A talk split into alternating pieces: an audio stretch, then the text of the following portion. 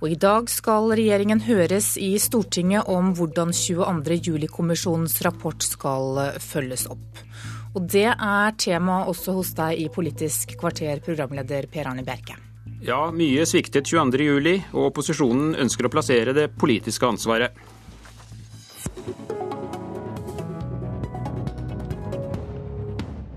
Dette er 22. juli-kommisjonens seks hovedfunn.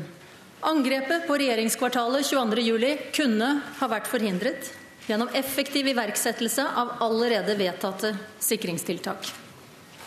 Myndighetenes evne til å beskytte menneskene på Utøya sviktet. En raskere politiaksjon var reelt mulig. Gjerningsmannen kunne ha vært stanset tidligere 22.07. Alexandra Beck Gjørv da hun la fram 22.07-kommisjonens rapport tidligere i høst. I dag skal altså kontrollkomiteen i Stortinget behandle den redegjørelsen statsministeren holdt på bakgrunn av kommisjonsrapporten. Og Per Kristian Foss, medlem av kontrollkomiteen for Høyre, hva er det dere vil oppnå? Først og fremst må vi ta sikte på å få lagt fakta på bordet. Få fakta frem fra alle kilder som er tilgjengelige. Politikere, embetsfolk, fagfolk av alle slag og for meg er det iallfall to hovedspørsmål som er viktige. Hvorfor var sikkerhet så lavt prioritert eh, av regjeringen fra 2004 og år? Det var jo planer, men de var altså ikke iverksatt. Og det andre spørsmålet, hvorfor gikk det så galt da den 22. juli inntraff? Hvorfor gikk det ikke system, politisystemene våre og alarmsystemene? Hvorfor gikk det så galt? Altså, det er dette som er hovedpunktene i Gjørv-kommisjonens konklusjoner. Men det, det, det, du er ute etter, er å plassere det politiske ansvaret? Ja, til syvende og sist så må det være en politiker som tar ansvar for det som er ugjort. Marit Nybakk, medlem av kontrollkomiteen for Arbeiderpartiet. Hvilket ansvar har de rød-grønne partiene for at så mye sviktet 22.07? Ja, først vil jeg si at eh, Arbeiderpartiet er også innstilt på at her skal alle steiner snus. Eh, og det er veldig viktig at vi får på plass og får vite de detaljene som kanskje ikke står i Gjørv-kommisjonen, gjennom våre høringer. Eh, og la meg legge til at jeg er helt enig at systemet vårt for sivilt beredskap sviktet totalt 22.07.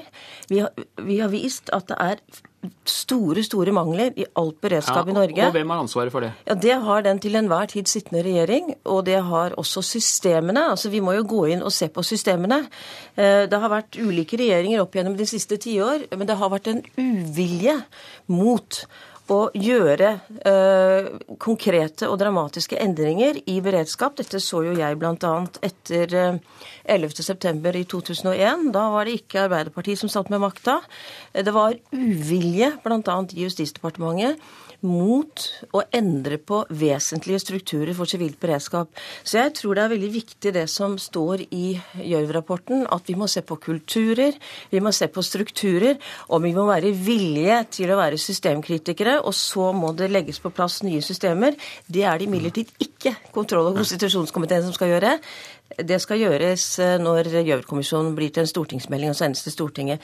Vi skal nå forsøke å plassere, altså å trekke parlamentariske konklusjoner og se på ansvaret i forhold til det som skjedde 22.07. Foss, hvor trygg er du på at beredskapen ville vært bedre med en ikke-sosialistisk regjering? Det kan jo umulig si noe om det blir hypotetisk å spørre hva en annen regjering ville gjort i løpet av de siste syv årene. Men det vi kan se, er jo hvilke advarsler som kom til den sittende regjering i løpet av de årene den satt, både fra PST, fra departementet selv, fra Riksrevisjonen ikke minst, og hvilke erfaringer man hadde med den ene beredskapsøvelsen man gjennomførte. Og det spørsmålet som gjenstår, er å svare på Jens Stoltenbergs spørsmål til seg selv. Hvorfor var kulturen slik at vi ikke tok hensyn til alle disse advarsler? Hvorfor ble sikkerhet lavt prioritert, både i embetsverk av politikere Hvorfor stilte man, ikke, stilte man seg ikke spørsmålet, de aktuelle statsråder, enten det er i Fornyingsdepartementet eller i Justisdepartementet, hva kan jeg gjøre for å bedre sikkerheten? Har jeg et ansvar for eh, hele sikkerhetsprosjektet, eller har jeg det ikke? Det skal du få lov å svare på, Marit Nybakk. Du har bl.a. vært leder av Stortingets forsvarskomité og sittet på Stortinget i over 25 år, i likhet med Per Kristian Foss.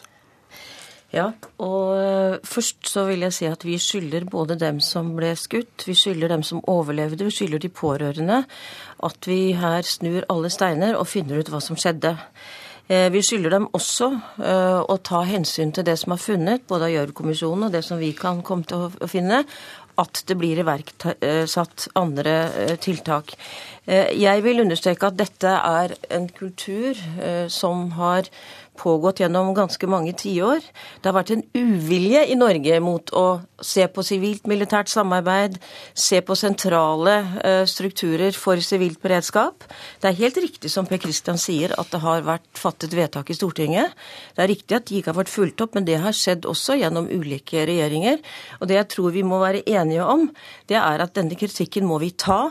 Eh, vi har et ansvar, alle som er politikere, for det som skjedde. Og det skylder vi også alle dem som nå sitter, som har overlevd med store skader, og de som er pårørende i, både fra Utøya og fra regjeringskvartalet. Og husk på at Arbeiderpartiet er ekstra sårbare her. Det var våre ungdommer som ble skutt. Samtidig er det vi som sitter med regjering sammen med to andre partier. Det betyr også at vi må erkjenne at systemene sviktet og at det gikk sånn noenlunde med redningsarbeidet fordi enkeltmenneskene jobbet bra til tross for systemene. Foss, er det dette som egentlig er eh, saken, at det har vært en uvilje mot å ta beredskap eh, på alvor av landet? Vi har sittet og sett terroraksjoner i andre land i Vesten, USA, Storbritannia, Spania, for å nevne noen eksempler. Men vi har egentlig ikke tatt trusselen på alvor? Nei, man tar vel ikke trusselen på alvor før den inntreffer. Men det går an å legge vekt på, på sikkerhet uansett. Vi hadde jo planer som var vedtatt i vår regjeringstid, som aldri ble iverksatt. Og som eh, knapt nok statsrådene visste at de hadde ansvar for. Og det vi må være på jakt etter, er spørsmålet om ansvarspulverisering. Hadde, eh, når statsministeren sier at han har det endelige ansvaret, så er det viktig å få vite hva det betyr. For advarselen kom også til Stoltenberg som statsminister, uten at noe skjedde av den grunn. Og jeg har lyst til å si at eh, en del av kritikken mot gjennomføringsevnen kan man også lese veldig bokstavelig ut av riksrevisjonsrapporter. Eh, og et av departementene, jeg tenker på Fornyingsdepartementet, som hadde ansvaret for hele sikkerheten rundt regjeringskvartalet, altså stenging av Grubbegata med videre, eh, fikk jo også mange ganger kritikk av Riksrevisjonen for manglende evne til å følge opp på andre områder. Og jeg stiller meg spørsmålet om hvorfor tar man ikke slike ting eh, alvorlig? Når det er dreier seg om et departement som faktisk har ansvaret for regjeringskvartalets sikkerhet. Jeg er enig med Marit Nybakk i at eh, bak alt dette så skal alvoret være, være til stede for oss. fordi at her er det jo familier som er eh, hardt rammet. Det er funksjonshemmede mennesker igjen i landet. Både etter, etter ulykken i regjeringskvartalet og på Utøya. Det er en, det er en tragedie. Men da er det jo desto mer alvorlig når kommisjonen sier rett ut, Gjørv-kommisjonen, at politiet kunne vært tidligere og reddet, reddet flere. Dette rokker jo ved Arbeiderpartiets eh, styringsevne, og det er jo det dere liker å si, at dere er de beste til å styre, Marit Nybakk? Det er vel derfor 22. Eh, juli-kommisjonen rammer oss så vidt hardt. Men det er også derfor eh, Arbeiderpartiet sier helt klart at vi vil gjennom dette, og vi vil finne ut hva som skjedde. Ingenting skal være snudd her som ikke kunne vært snudd. Eh, og vi er innstilt på å finne ut alt som gikk galt, og det var ganske mye. Altså Ikke fungerte riksalarmen, og, og sant, politiet kom for sent, og strukturene fungerte ikke mellom de enkelte etater. og Alt dette må man altså finne ut, og så må man gå videre. For når stortingsmeldingen skal skrives, og den er man jo i ferd med å jobbe med, så må det komme helt konkrete endringsforslag om sivilt beredskap, om samspillet mellom eh, beredskap, altså sivilt beredskap og forsvar, eh, om Forsvaret som operativ ressurs for sivilt beredskap. Eh, vi skylder jo befolkningen at man vet at man kan være trygg på at det finnes systemer. Tenk om det her hadde vært tre forskjellige personer som hadde operert i tre forskjellige byer. Eh, da hadde vi jo ikke greid dette. Så vi må ta dette på alvor, og det er Arbeiderpartiet innstilt på å gjøre. Takk skal dere ha, og høringen i Stortinget kan du følge i NRKs kanaler utover dagen.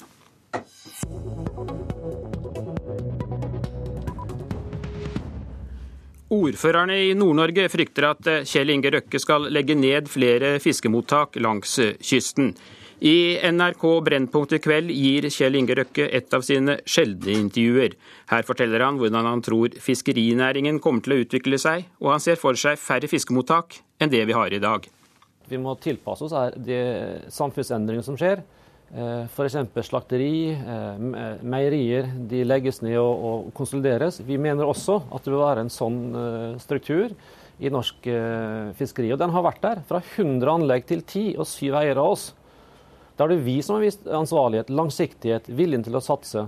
Hvis vi møtes gjennom ti år, så, så, har vi en større andel av norsk hvitfisknæring. Du vil se at det vil være færre anlegg. Men det er, det er en dreining som er uunngåelig, og, og den eh, skjer og kommer til å skje. Alf E. Jacobsen, ordfører for Arbeiderpartiet i Hammerfest. Frykter du at Røkke skal legge ned fiskemottaket i kommunen din?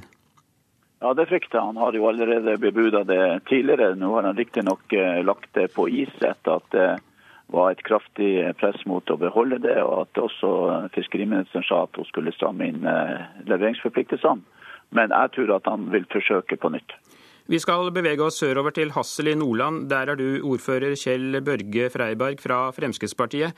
Hvilken beskjed har du til Røkke, som også er tungt inne i fiskeindustrien i din kommune? Nei, Den beskjeden som uh, vi har gitt uh, hele veien, det er at Kjell Inge Røkke har noen forpliktelser som han har akseptert. Og de er han nødt til å levere på. Klarer han ikke å levere på de, så må han gjerne forlate Melbu. Det vil vi synes er synd. Vi ønsker at han skal lykkes. Eh, men velger Røkke å forlate Melbu, så gjør han det uten de konsesjonene som er knytta til dette stedet. Nå var det jo mange ordførere som kjempet for at Røkke skulle få overta både trålerkonsesjoner og fiskemottak, og du var en av dem, Alf E. Jacobsen. Angrer du? Ja, i ettertid, men på det tidspunktet så var det altså ikke noen som hadde kapital til å kunne gå inn og eh, overta. Og i veldig mange år så har det her gått greit, helt til Røkke begynte nå å skille trålerflåte og eh, landanlegg. og Det var eh, fokus på, på kvote, og at han solgte da fisken frossen til Kina og andre steder. Så begynte det jo da å vi ante hvor tegninga hvor det her kom til å gå. Men nå sier altså Røkke at han heller vil satse i Båtsfjord i Finnmark enn i Hammerfest, og viser til at Hammerfest jo har oljeindustrien. Hvorfor er dette så galt tenkt, Jacobsen? Altså, Vi er, er da 40% eier av disse trålerkvotene i Hammerfest. Og vi er der for at det skal skaffes industriarbeidsplasser til land. Vi har vedtekter, vi har en charteravtale som sier at uh, båtene skal driftes og leveres i, i, Hammerfest. Og det kan jo ikke være slik at uh, man sier at uh, vi skal altså flytte fiskeindustri og 100 arbeidsplasser der folk er godt integrert og ønsker å være i Hammerfest fordi at Røkke skal få det enklere. Enten så drifter han landanleggene. Jeg ønsker Båtsfjord alt godt, jeg ønsker Mehamn alt godt, Lebesby og Hammerfest og alle disse andre plassene. Men jeg, har du forpliktelser, samfunnsforpliktelser, så har du dem like godt på Melbu og i Hammerfest som andre steder. Kjell Børge Freiberg, har ikke Røkke et godt poeng når han sier at strukturrasjonaliseringen skjer i alle næringer, og at dette er uunngåelig også i fiskeindustrien? Jo da, det er noen utfordringer i norsk fiskerinæring som uh, man ikke kan uh, unnlate å uh, ta tak i. Men da får jo Røkke først og fremst innfri de forpliktelsene man har inngått på de plassene der man har gjort det. Og så får man heller gjøre strukturelle endringer der man ikke har de forpliktelsene. Men er det ikke tross alt bedre eh, å sikre stabil og lønnsom drift ved noen færre mottak i landsdelen, enn å tvinge Røkke til å opprettholde mange mottak med mindre lønnsomhet? Freiberg? Jo, men så er det òg sånn at uh, Røkke argumenterer selvfølgelig for å optimalisere sine verdier. Det skulle bare mangle. Uh, og i Hassel og hos oss så er det sånn at uh, der står lokalt næringsliv fram og er veldig tydelig på at hvis Røkke ikke klarer å få butikk ut av de rettighetene han fikk på billigsalg, så vil vi tre inn i de rettighetene fordi at vi vil være i stand til å kan skape god butikk ut av eh, dette. Alf Jacobsen, det bør, nå, bør regjeringen nå tvinge Røkke til å foredle fisken sin på land i Nord-Norge? Ja, både bruke pisk og gulrot. Det gjøres jo nå nå for å eh, honorere de som leverer fersk. Det er et godt tiltak. Og ellers så er det jo sånn når han sier han ikke har fisk nok. Ja, hvorfor har han ikke fisk nok? For han sender det til Kina. Han bryter leveringsforpliktelsene og industrikvoten. Det kom nettopp for at du skulle ha aktivitet på land. Og Røkke visste eh, hvordan betingelser som var rundt eh, disse kvotene. Ja, det var for å skaffe sysselsetting i ulike fiskeriavhengige kommuner, bl.a. rundt i, i, i Nord-Norge. Så han visste hva han gikk til. Og når han da sier at han ikke har fisk, jo, hvorfor har han ikke fisk? Fordi at han lever andre steder. Og så er han veldig smalspora i forhold til det produktet han har. Det er filet. Han kunne ha brukt den store fisken, enten det var til klippfisk til saltfisk. Vestlendingene flirer til oss og sier at er dere klare, vi, vi kjøper den store fisken dyrt også fra Røkke, og vi tjener penger på å produsere den. Han burde heller se på produktspekteret i stedet for å si at det her ikke lønner. Ja, da må jeg si takk til dere, Alf Jacobsen i Hammerfest og Kjell Børge Freiberg i Hassel. Og det var Politisk kvarter. Jeg heter Per Arne Bjerke.